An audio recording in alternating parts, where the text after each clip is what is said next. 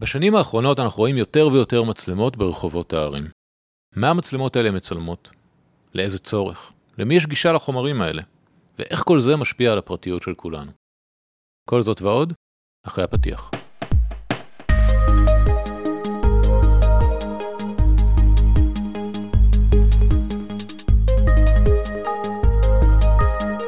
שלום, וברוכים הבאים למחקר בשלוש קריאות, הפודקאסט של מרכז המחקר והמידע של הכנסת.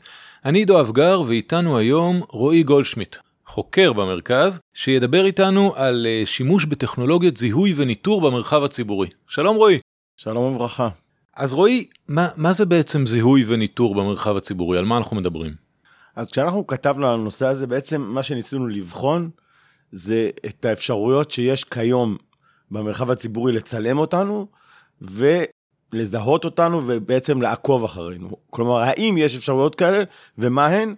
כשבעצם כולנו רואים במרחב הציבורי מצלמות בכל מיני מקומות, מצלמות אבטחה, אנשים מתקינים מצלמות בכלי הרכב שלהם, יש מצלמות כמובן בטלפונים שלנו, יש רחפנים שנושאים מצלמות, יש מצלמות גוף על שוטרים או פקחים, ורצינו להבין איך המרחב הזה, המאוד מצולם, איך הוא מתנהל, איך הוא, אה, ובעיקר, בעיקר, לא רק על עצם הצילום, אלא איך המידע הזה מנותח, מנוטר, מה עושים איתו. אתה אומר אה, טכנולוגיות, טכנולוגיות צילום, אה, למה אנחנו, על מה אנחנו מדברים? באיזה טכנולוגיות בעצם משתמשים? יש לנו מצלמה, אבל אני מניח שזה לא נגמר בזה. כן, אז לכל המשפחה הזו של הטכנולוגיות מקובל לקרוא וידאו אנליטיקה או ניתוח וידאו, שהאחות המפורסמת, הסלבריטי של התחום הזה, זה הזיהוי פנים, כלומר היכולת לזהות, לצלם אותי לצורך העניין, להצליב את הצילום הזה אל מול מאגר, ולהגיד, הנה, הבחור הזה שראיתם חולף פה, זה רועי גולדשמיט. טכנולוגיה אחרת היא מצלמות LPR, או בלעז License Plate Recognition, זיהוי לוחית רישוי, שזה, בוא נניח, לדוגמה, שאני מציב מצלמה, מצלמת LPR בכניסה לחניון, ויודע להגדיר שהשער ייפתח רק לרכבים שרשומים כבעלי מינוי במאגר, במאגר לוחיות הרישוי. זה יישום נפוץ של מערכות LPR, אבל זה לא היישום היחיד. בעצם כל פעם, LPR. בעצם כל פעם שאני נכנס לחניון בתשלום, והשער נפתח אוטומטית אחרי ששילמתי, זה על סמך קריאת לוחית הרישוי שבעצם צולמתי כשנכנסתי לחניון, נכון? אני לא יודע להגיד בוודאות, אבל אה, יש אה, אפשרות סבירה שאתה צודק בעניין הזה. והטכנולוגיה הנוספת שרציתי להזכיר היא שימוש ביכולת תמצות וידאו, או וידאו סינופסיס, שהיא מאפשרת לאגור צילומים של אזורים, לצורך העניין המסדרון הסמוך אלינו, או מקטע רחוב, ולהפעיל כל מיני יישומים שיתמצתו את המידע על מה שקרה במקטע הזה. למשל, במקום שתצטרך לצפות בעשר שעות וידאו כדי לראות את כל האנשים שעברו במהלך יום העבודה במסדרון, אז תוכל ל- לרכז את כל האנשים האלה בזמן קצר יחסית, ואז תוכל גם לסנן אותם לפי כל מיני פרמטרים, כמו מגדר, צבע חולצה, האם הם, היה להם תיק או לא היה להם תיק, האם הם חצו את הכביש, אם אנחנו מדברים על כביש, או כל מיני אה, דברים כאלה, ובעצם הופך את המידע ממידע טיפש במרכאות, שדורש צופה מתמיד, למידע שאפשר לנתח ולנטר בצורה הרבה יותר אפקטיבית מבחינת היכולת להשתמש במידע הזה. מדהים. ולצד כל הדבר הזה יש סט של טכנולוגיות נוספות שהן דומות למה שדיברתי עליהן קודם, שמנסות לזהות התנהגויות אבנורמליות. כלומר, אם זה למשל אדם שלובש מעיל בתוך מרחב שכולו אנשים שלבושים בבגדים קיציים, או הזעה מוגברת, שהמטרה של הדברים האלה זה בראש ובראשונה זה לזהות אה, מפגעים ואירועי אה, טרור או איומים מהסוג הזה. אבל כמובן, כמו בהרבה טכנולוגיות, יש זליגה של הטכנולוגיות האלה מהמרחב הביטחוני-צבאי למרחבים האזרחיים. אוקיי, okay, מעניין מאוד. ובעצם, אם אנחנו מדברים על, נכון להיום, המרחב הציבורי בישראל, בעצם יש כיום את האפשרות לזהות אנשים שהולכים ברחוב? אז בוא אני אפריד את זה לכמה רמות. מבחינה טכנולוגית, הטכנולוגיה ברמת בשלות כזו, ששיעורי הטעות של המערכות האלה ירדו מאוד. מכון התקנים האמריקני שסוקר את הנושא הזה מדי שנה, ציין ב-2020 שבעשור האחרון הטעויות מערכת פחתו פי 100. הוא קרא לזה מהפכה. זה מהבחינה הטכנולוגית. מבחינה חוקית, עד לאחרונה לא הייתה הסדרה חוקית ספציפית של השימוש בזיהוי פנים. אבל ביולי 2021 פורסם תזכיר חוק לתיקון פקודת המשטרה, שרוצה להסדיר את השימוש במצלמות מיוחדות. ולפני רגע שנצלול אה, לתזכיר החוק, בעצם המצב הקיים, כל עוד תזכיר החוק לא אושר והפך לחוק, אין הסדרה, אז מה שלא נאסר מפורשות בעצם מותר, הם יכולים לעשות כל מה שהם רוצים, לצלם מה שהם רוצים, לזהות מה שהם רוצים. אז כעיקרון, יש חוקים, יש את חוק הגנת הפרטיות, יש את פקודת העיריות שמסדירה ברמה מסוימת את אפשרויות השימוש של רשויות מקומיות בטכנולוגיות מסוג זה. יש עקרונות מדיניות שפרסמה הרשות להגנת הפרטיות ביחס להצבת מצלמות במרחב הציבורי, אבל אין או לא הייתה עד לאחרונה שום דבר חקיקה ספציפי שהסדיר את הנושא הזה, בפרט לא ביחס לשימוש בטכנולוגיות זיהוי וניטור מתקדמות, כגון אלה שהתזכיר עוסק בהן.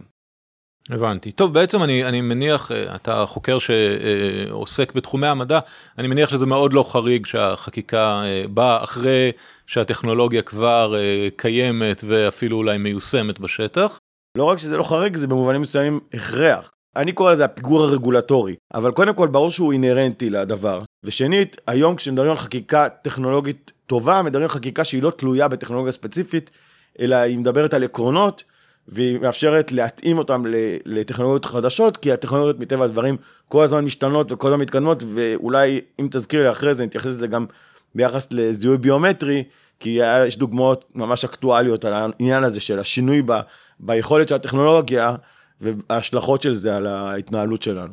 אז בוא נחזור רגע לתזכיר החוק. בעצם אמרת שתזכיר החוק אמור להסדיר את השימוש במצלמות מיוחדות. מה זה מצלמות מיוחדות? אז בתזכיר מופיעים שני תנאים מצטברים. הראשון שבהם, שבמערכת הצילום יש מעבד ממוחשב שמאפשר אגירה ועיבוד של נתונים או תמונה. כלומר, אגירה, עיבוד של תמונה או נתונים, ואני מניח שהכוונה בנתונים זה נתונים שאפשר להפיק מתמונה. והתנאי המצטבר השני זה היכולת לזהות אדם או חפץ באופן חד ערכי, ובכך, ואני מצטט, להתחקות או לבלוש אחריו. מעניין. אוקיי, אז אני מבין שהטכנולוגיה קיימת ומשפטית נראה שאנחנו אולי בדרך לאיזושהי הסדרה. בוא נדבר על השטח, מה קורה בפועל? אוקיי, אז אני אולי אתחיל בהסתייגות. אני חושב שהמידע שאספנו הוא לא מלא, מטבע הדברים גם מספר הרשויות הוא, הוא גדול מאוד, וגם לא, לא פנינו לגופי ביטחון פר סה, כלומר לא לצה"ל ולא לשירותי הביטחון האחרים, כן פנינו לחמשת הרשויות הגדולות בישראל וכמה משרדי ממשלה, בתוכם המשרד לביטחון פנים כדי לדעת מה המשטרה עושה, אה, רשות שדות התעופה, שירות בתי הסוהר ושירותי הכבאות הארצית. לגבי היקפי השימוש במצלמות, שזה אמרנו הנושא שמצד אחד אנחנו כבר מודעים לקיומו, אבל עדיין זה מעניין לקבל אינדיקציה על ההיקפים. בירושלים יש כאלף מצלמות, בתל אביב, לפי הנתונים שקיבלנו, כאלף-מאתיים מצלמות, בפתח תקווה כ-900 מצלמות, וחיפה באופן כללי לא השיבה לפנייה שלנו. אז זה ביחס למצלמות שברובן הכוונה למצלמות קבועות, כן יש פיילוטים וניסיונות עם אה, רחפנים, עם מצלמות גוף אצל שוטרים ואצל פקחים. לגבי השימוש בזיהוי פנים, אף גוף מבין הגופים שפנינו להם לא ציין שהם עושים שימוש בזיהוי פנים.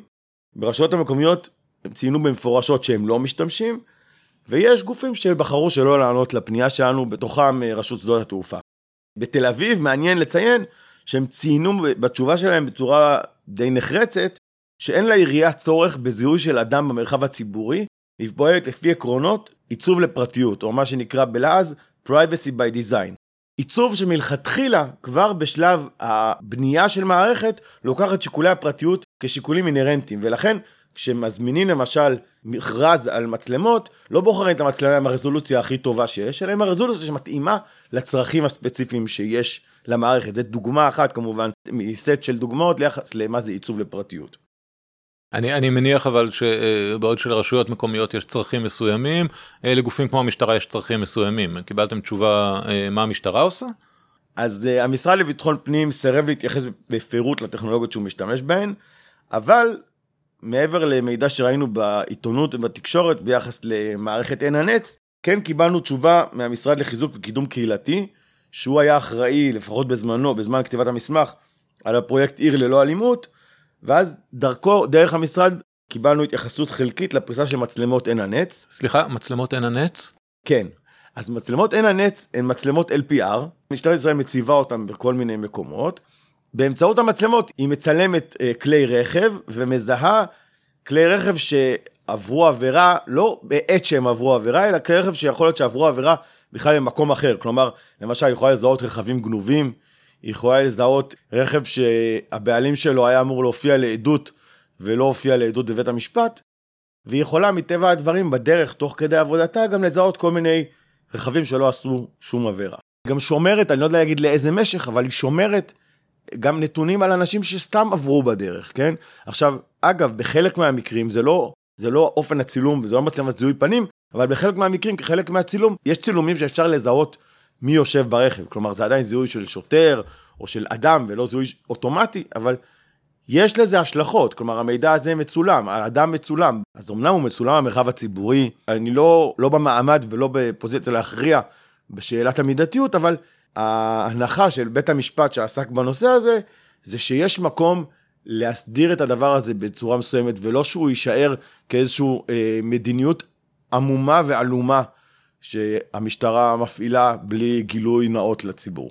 חוץ משאלת המידתיות, יש גם את השאלה מול אילו מאגרים מצליבים את המידע הזה, שהיא גם שאלה חשובה, כי בעצם המידתיות היא פונקציה של כמות הדאטה שמצליבים. איזה מאגרים בעצם יש? מה, מה הפוטנציאל להשוואה? אוקיי, okay, אז יש הרבה מאוד מאגרים. אנחנו פנינו לרשות להגנת הפרטיות שבמשרד המשפטים, שהיא גם תחתיה יושב רשם מאגרי המידע, ובמאי 2020 היו 130 מאגרים ביומטריים רשומים. מטבע הדברים, כמות המאגרים שיש היא הרבה יותר גדולה, אבל המאגרים הביומטריים, יש 130 מאגרים ביומטריים.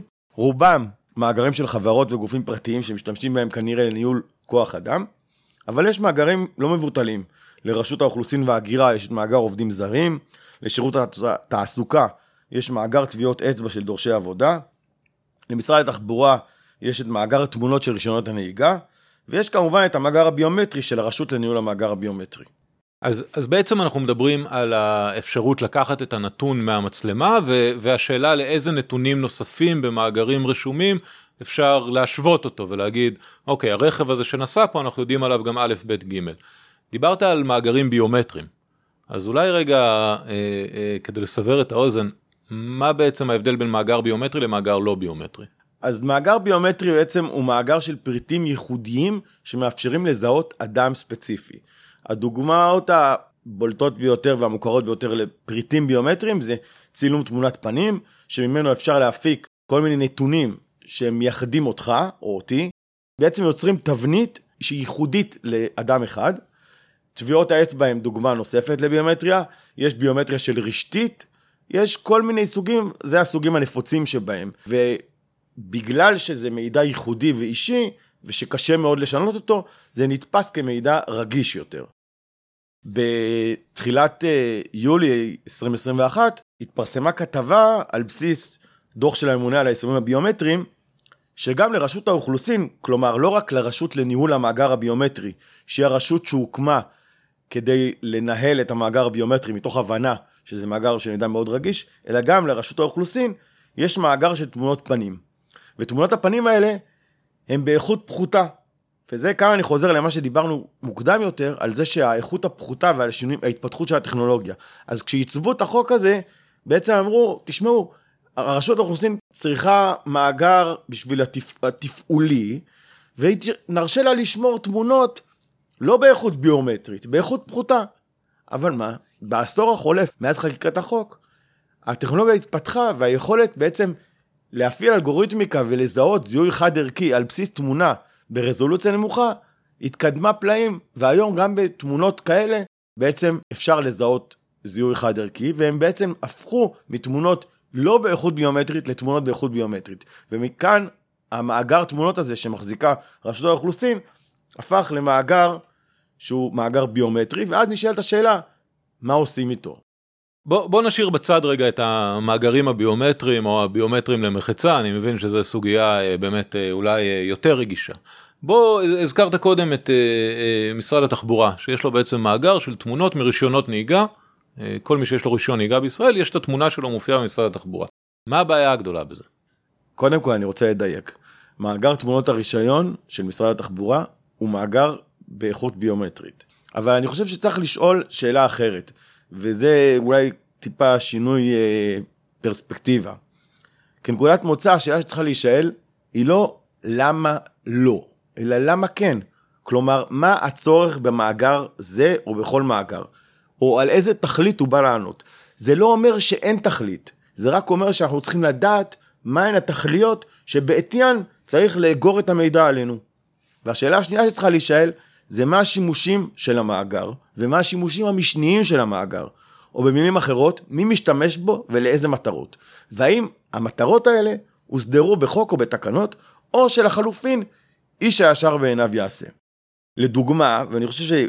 לא בטוח אם התייחסתי לזה קודם, אבל דווקא בגלל החקיקה הספציפית סביב המאגר הביומטרי והצורך לתקן תקנות עבור שימושים משניים, אז כשסיימנו את כתיבת המסמך, אני לא יודע להגיד מה קרה בזמן החולף, אני מניח שלא קרה הרבה, לא היו שימושים משניים מוסדרים במאגר. והמשמעות של זה שמשטרת ישראל למשל, לא יכלה להגיד, תשמעו, אני רוצה לבחון, לזהות פשע ולכן תנו לי גישה למאגר הביומטרי. היא לא התקינה תקנות שיאפשרו לה את זה ולכן היא לא עשתה את זה. וזה דוגמה לזה שבעצם הסדרה והגבלה היא מייצרת מצב שבו שימושים משניים יכולים להיעשות אולי, אבל הם ידרשו בחינה מושכלת של הדבר הזה ולא משהו שיכול להתנהל כלאחר יד. טוב, אני רוצה בכל זאת אה, אה, להמשיך להיות אה, פרקליטו של השטן ולהמשיך אה, לנסות ולהקשות עליך. מה בעצם הבעיה שיצלמו ויעקבו אחריי במרחב הציבורי? זה מרחב ציבורי, כל אחד יכול לצלם אותי, כל אחד יכול לראות אותי שם. גם ככה אה, אה, חצי או יותר מהאפליקציות בטלפון הנייד שלי עוקבות אחריי וגם ככה יודעים עליי כמעט הכל. אם אני לא עבריין, אין לי מה להסתיר. מה, מה הבעיה שיעקבו אחריי? שמי שעבריין יהיה מודאג. בעיניי זה שאלות טובות ושאלות מאוד חשובות כי הן בעצם מבהירות את, ה, את הדיון הזה בעצם באיזונים בין כל מיני אה, דברים שאנחנו כחברה צריכים. אבל נתת פה הרבה טענות, אני אנסה להתייחס לכמה שאני אצליח מהן. אז ברמה הפילוסופית, ההנחה המקובלת שפרטיות זה מה שמאפשר לנו לעצב את הזהות שלנו באופן אוטונומי. כלומר, שאם יש מבט מתמיד עלינו, המבט הזה הוא ממשטר אותנו. והחירויות שלנו נוצרות מהיכולת לבטא את עצמנו ולפעול במרחב בלי שכל הזמן יסתכלו עלינו. אבל זה באמת קצת פילוסופי ואולי אפשר להפוך את זה לטיפה יותר קונקרטי. נניח שאני הולך למצעד הגאווה, וכל המרחב מצולם ומתועד. אפילו לא רק זה, אלא שיש עילה מאוד הגיונית לצילום הזה, זה נועד להגן על המשתתפים בגלל שהיו מקרים שבהם במצעדי גאווה היו ניסיונות פגיעה בצועדים. אבל בפועל נוצר מאגר צילומים כזה, שיחסית קל למפות את העדפות המיניות של מי שמופיע במאגר הזה. ונניח שקורה מה שקורה לא אחת, שהמאגרים האלה דולפים. האם אתה חושב שכל המשתתפים ירגישו בנוח מהתיוג שלהם, מהיכולת של מעסיק פוטנציאלי או סתם סטוקר לחפש עליהם מידע ביחס לנטיות המיניות שלהם? שלא לדבר כמובן על מצבים של משטרים שמחליטים להפלות אוכלוסיות על בסיס נטייה מינית. אז זה דוגמה קצת יותר קונקרטית להשלכות של החירויות המופשטות שדיברתי עליהן קודם, להיות חירויות טיפה יותר, חירויות אזרחיות יותר בסיסיות. וגם על חופש הביטוי שלי ועל חופש הזכות להתאגד ולהפגין וכדומה. עכשיו לגבי ענקיות הרשת או האפליקציות בנייד, אף אחד לא אמר שכל איסוף מידע עליך או עליי הוא לגיטימי, והנושא הזה הוא באמת נושא שנידון גם בציבור וגם בכנסת, וגם בו יש מקום לבחון את התועלות שבאפשרות של Waze לדעת את המיקום שלי למשל, שזה ברור שזה כלי שמאפשר לי להשתמש במפות של Waze, לבין יישומים שאין להם שום זיקה לצורך נתוני המיקום שלי והם בכל זאת מבקשים אותם, למה? כי הם יכולים. קוראים לזה אה, עיקרון צמידות המטרה, כלומר שיש זיקה בין הסיבה שבגללה אני אוסף את המידע למידע שאותו אני אוסף. לגבי מניעת פשיעה, אני חושב שזו העילה הכי הגיונית והכי מתבקשת כדי להשתמש באמצעים מהסוג הזה. אבל גם שם זה הגדרה מאוד מאוד רחבה וכללית, מניעת פשיעה. שאלה, איזה פשיעה, באיזו, באילו אמצעים, וכמה אנשים שלא עשו שום פשע בעצם יוגבלו בעקבות השימוש הזה. גם כשקוראים את הדיון על עין הנץ, על מערכת ה-LPR שדיברנו עליה קודם, רואים שהיא משמשת המשטרה בשביל לתפוס גנבות רכב, כל מיני עבירות שאני חושב שכולנו מוכנים לספוג פגיעות מסוימות בפרטיות שלנו או בחירויות האזרחיות שלנו בשבילן. לכן, אני לא חושב שכל דבר הוא בגדר שימוש לא הולם. צריך רק לשים לב שמתקיים דיון על האופנים שבהם כוחות שיטור בפרט, אבל גם באופן כללי, נעשה שימוש במרחב הציבורי בטכנולוגיות האלה. בקיצור, אני חושב שהשקיפות שה, היא כלי חשוב כדי לעורר דיון ציבורי ו, ולבחון את המידתיות של השימושים האלה. אנחנו לקראת סיום ואי אפשר בלי קורונה שליוותה אותנו בתקופה האחרונה ועדיין ממשיכה ללוות אותנו. איך, איך הנושא הזה מתקשר אה, אה, לסיפור של מה שמשבר הקורונה שליווה אותנו? אז אפשר לומר שבישראל, ואני מניח שזה לא רק בישראל, הקורונה הייתה זרז לשימוש בטכנולוגיות שלפני כן לא, לא השתמשו בהן במרחב האזרחי. ואני מדבר על מה שקראו לו במרכאות הכלי של השב"כ, אני לא יודע להגיד בדיוק אם ואיך הוא עובד, אנחנו לא מתעסקים בספירה הצבאית ביטחונית לרוב, אבל כן היה פה שימוש ראשון בסמכויות שבעבר השתמשו בהם, בכלים שהשתמשו בהם בעבר אך ורק למניעת טרור, כדי לזהות אה, איתור אה, מגעים או איתור אה, מבודדים או אנשים שמפרי בידוד. והנושא הזה נידון גם בוועדת החוץ והביטחון וגם הגיע לערכאות משפטיות. ואני חושב שזה היה דוגמה אחת לכרסום הזה, לפונקשן קריפ, לזליגת שימושים הזו, מכלי שהשימוש שלו היה מאוד מאוד ברור, שהוא נועד למניעת טרור, שזה בעצם אה, סוג של קונצנזוס, שיש תרחישים שבהם צריך להפר את הפרטיות שלנו בשבילם, למשהו שאפשר להתווכח לגבי המידתיות שלו, וראוי להתווכח לגבי המידתיות שלו. רועי גולדשמיט, תודה רבה. תודה עידו. המסמך המלא כמובן נמצא אה, באתר מרכז המחקר והמידע של הכנסת, כמו כל המסמכים שלנו, ואנחנו ניפגש בתוכנית הבאה.